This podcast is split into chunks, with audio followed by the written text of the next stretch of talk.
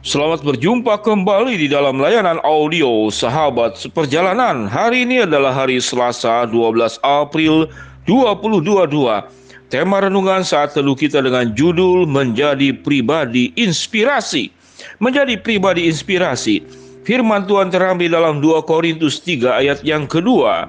Demikian bunyi firman Tuhan.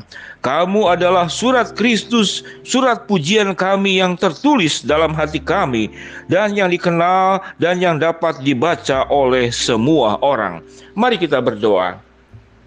Bapa yang di dalam surga, biarlah kami boleh dididik, diberikan penjelasan kebenaran firman Allah bahwa setiap kehidupan kami memiliki dampak baik buruk maupun hal yang positif.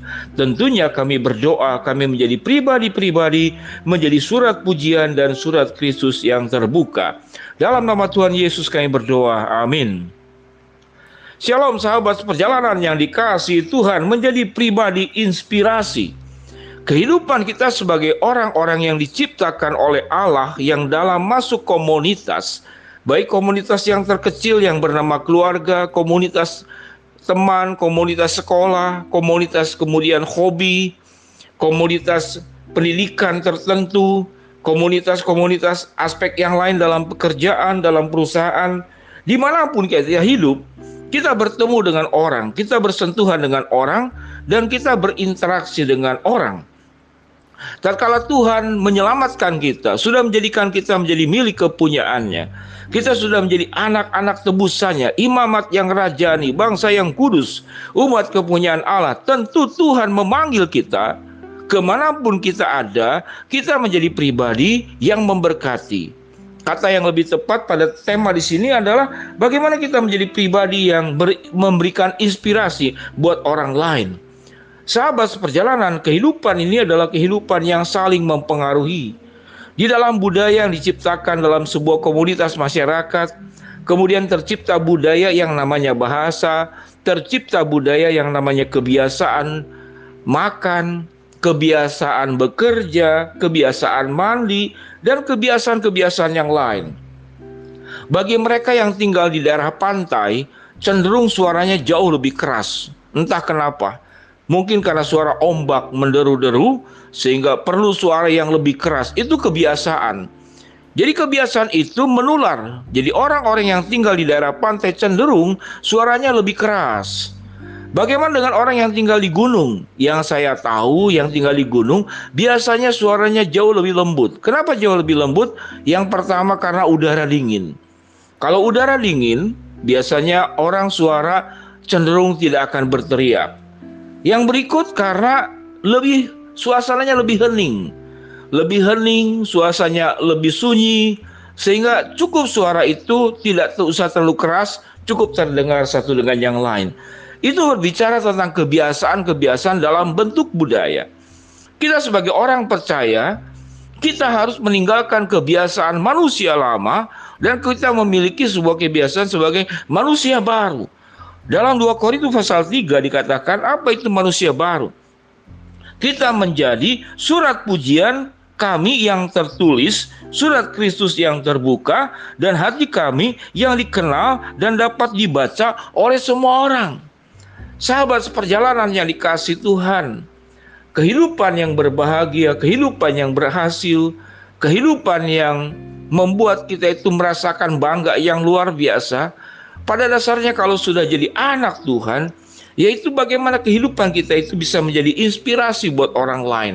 Ada keteladanan yang kita tinggalkan, bahwa hidup kita semata-mata tidak hanya meraup, mengumpulkan, menggenggam, mengkoleksi, menyimpan, tapi bagaimana hidup kita itu menjadi surat pujian Kristus yang terbuka. Kita menjadi surat yang terbuka yang bisa dibaca dan dikenal oleh semua orang. Itu catatan dalam 2 Korintus pasal 3 ayat yang kedua. Sahabat seperjalanan yang dikasih Tuhan. Tak kalau kita mensyukuri bahwa anak-anak kita itu tumbuh dengan baik, orang-orang dekat dengan kita itu menjadi inspirasi buat kita. Sewaktu kita mengalami kesedihan, mengalami luka, tidak dimengerti, Ada pribadi-pribadi yang menjadi inspirasi buat kita, yang mengerti pergumulan kita, yang memahami air mata kita, yang mau mendengar keluh kesah kita. Maka orang-orang yang dikirimkan Tuhan yang seperti demikian itu menjadi inspirasi buat kita. Pada saat kita mengalami kesulitan yang paling berat, ada hal yang sangat sederhana sahabat perjalanan bukan bercanda. Bagi mereka yang suka nge-gym, atau saudara yang mungkin agak gemuk itu menggaruk gatalnya bagian punggung itu susah bukan main. Coba saja ya, menggaruk bagian bagian punggung tertentu itu sulitnya bukan main. Ah, termasuk saya sendiri. Karena saya senang olahraga, saya senang nge-gym sehingga ototnya bagian depan memang lebih berkembang. Tapi kalau ada gatal bagian belakang itu susah. Jadi kadang-kadang kalau ingin menggaruk tidak ada orang yang bisa diminta tolong, terpaksa saya mencari daun pintu. Daun pintu kemudian punggungnya diletakkan di daun pintu lalu digesek-gesekkan karena gatal.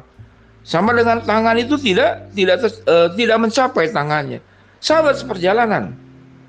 Pada saat ada kita di dalam situasi sulit-sulit tertentu yang kita hal sederhana pun kita tidak sanggup untuk melakukannya namun ada orang yang datang hadir dalam kehidupan kita, tindakannya sederhana sekali, hanya menggaruk bagian punggung yang gatal.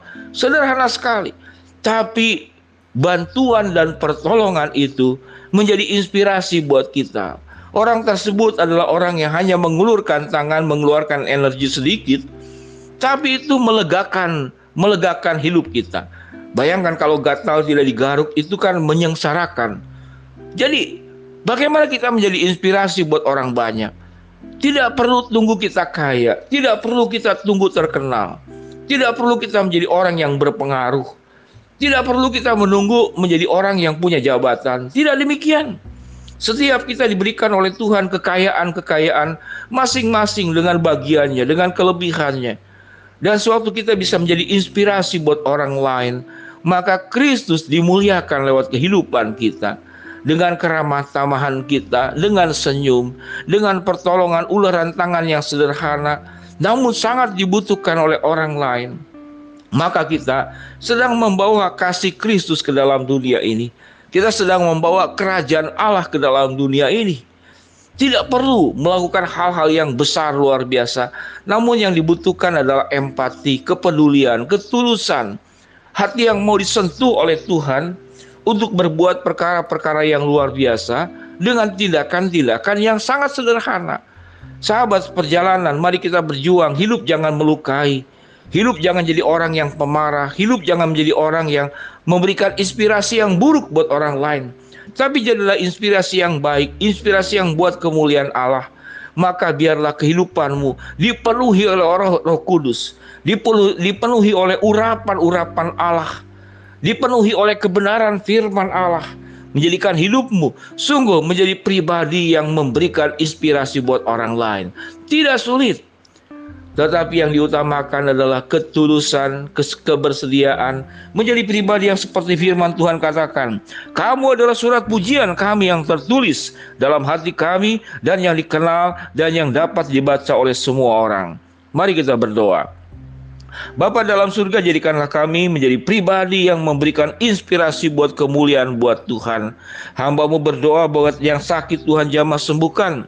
Buat yang sedang menghadapi masalah Tuhan bukakan jalan. Buat yang sedang berdoa mengharapkan sesuatu. Tuhan akan kabulkan sesuai dengan waktu, rencana, dan kehendak Tuhan. Di dalam nama Tuhan Yesus kami berdoa. Amin. Shalom sahabat perjalanan yang dikasih Tuhan.